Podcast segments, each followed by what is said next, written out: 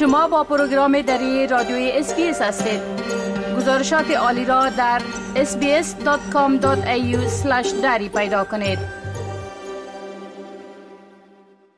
شنونده های عزیز اکنون همکار مجیب منیب درباره مطالب که ای هفته در وبسایت ما به نشر رسیده معلومات میتن. در صفحه اینترنتی SBS به زبان دری با آدرس sbs.com.au دری هر روز مطالب جالب و دانستنی درباره تازه ترین رویدادها و تحولات در بخش های اجتماعی، سیاسی، اقتصادی و فرهنگی نشر میشه. آقای منیب سلام عرض می کنم.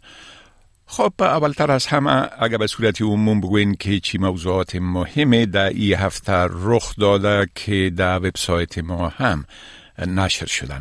سلام آقای شکیب به شما و شنونده های عزیز. در آغاز هفته روان حکومت فدرالی استرالیا بودجه سال 2023 را اعلام کرد که چندین مطلب در مورد بودجه در وبسایت ما به نشر رسید. مثلا یک گزارش در مورد ای داشتیم که بودجه بالای تورم نرخ سود و اقتصاد کشور چی تاثیر ممکن داشته باشد؟ یک گزارش در مورد برندگان و بازندگان بودجه داشتیم. و یک گزارش دیگر هم در مورد این که مصارف سفر به خارج از استرالیا و مصارف درخواست به ویزه ها چقدر افزایش مییابد داشتیم. علاوه بر این موضوع بودجه یک گزارش در مورد سکه ویژه دو دلاری استرالیا داشتیم که خشم کشور ویتنام را برانگیخته و از استرالیا خواسته تا انتشار سکه های ویژه دو دلاری را متوقف کند.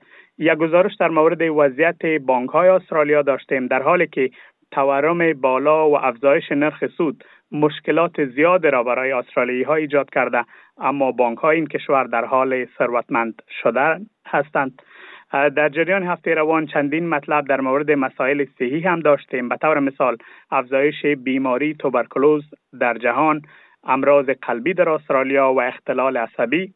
علاوه بر این خبرهای علاوه بر خبرهای داخلی چند مطلب در مورد وضعیت در افغانستان گرفتاری امران خان در پاکستان و وضعیت خبرنگاران افغان در بیرون از افغانستان را هم داشتیم که این مطالب در وبسایت ما به نشر رسیده.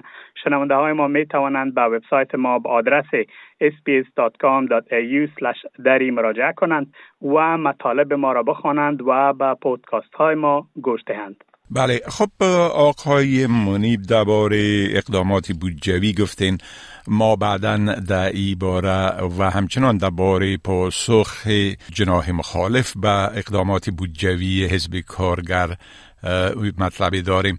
اگر به صورت خلاصه بگوین که چی اقدامات مهم در بودجه وجود داشته. بله آقای شکیب در بودجه مسائل زیاد شامل بود. چون وقت مصاحبه کم است کوشش می‌کنم تا به چند مطلب مهم اشاره داشته باشم.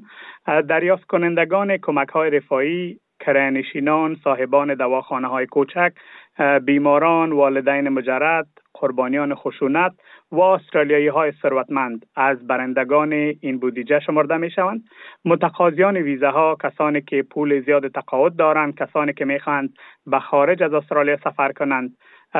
مصرف کنندگان سیگرت شرکت های تنباکو و vaping و یک تعداد دیگر از بازندگان بودجه هستند. انتظار می رود تا رشد اقتصادی استرالیا.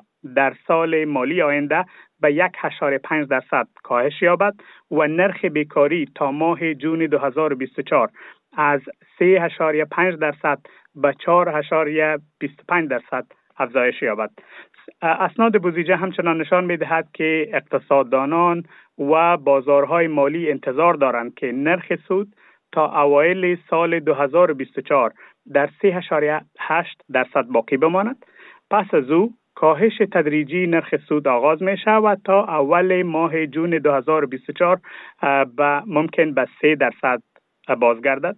همچنان پیش بینی می شود که تورم در سال آینده ممکن کاهش داشته باشه و از 6 درصد به 3.25 درصد کاهش یابد. بله خب از خبرنگاران افغان گفتین که پس از حاکم شدن طالبان به پاکستان رفته و در اونجا منتظر جواب به درخواست های ویزهشان برای آمدن به استرالیا هستند. اگر لطفا در ای باره معلومات بتین بله آقای شکیب ده ها کارمند رسانه ها و فعالان مدنی که پس از تسلط طالبان تقریبا دو سال پیش مجبور به ترک کشورشان شدند. هنوز منتظر رسیدگی به درخواست, درخواست ویزاهای بشردوستانه استرالیا هستند. گزارش دیدبان حقوق حقوق بشر نشان می دهد از زمانی که طالبان کنترل افغانستان را در آگوست 2021 به دست گرفتند. صدها رسانه بسته شده و هزاران کارمند رسانه ها به ویژه زنان کارهای خود را از دست دادند. محدودیت های طالبان بر آزادی رسانه ها بسیاری از کارمندان رسانه ها را مجبور ساخته تا کشور را ترک بکنه. یک تعداد در اوایل تانستند تا کشور را ترک بکنند یا در شامل پروسه های تخلیه شدند. یک تعداد دیگر مجبور شدند تا پس از اینکه پروسه تخلیه تمام شد و نتانستند خارج شوند از افغانستان کوشش کردند تا به کشورهای همسایه ایران و پاکستان بروند و تعداد هم که در افغانستان باقی ماندند با مشکلات روبرو هستند. پس از سقوط جمهوریت حکومت استرالیا حدود 26 هزار ویزه بشردوستانه را برای افغانها اعلام کرد. تعداد از خبرنگاران افغان می‌گویند که نزدیک به دو سال می شود که یا هم درخواستای خود دادند به به ویزه های بشردوستانه استرالیا. اما تا هنوز جزئی که نمبر دوسیه برشان داده شده دیگه هیچ چیزی نشنیدن از اداره مهاجرت استرالیا.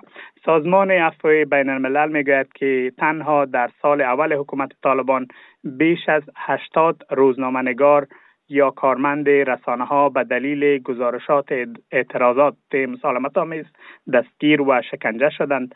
در حالی که یک تعداد در وقت تخلیه رفتند تعداد دیگه در افغانستان ماندن و تعداد هم رفتن به کشورهای همسایه.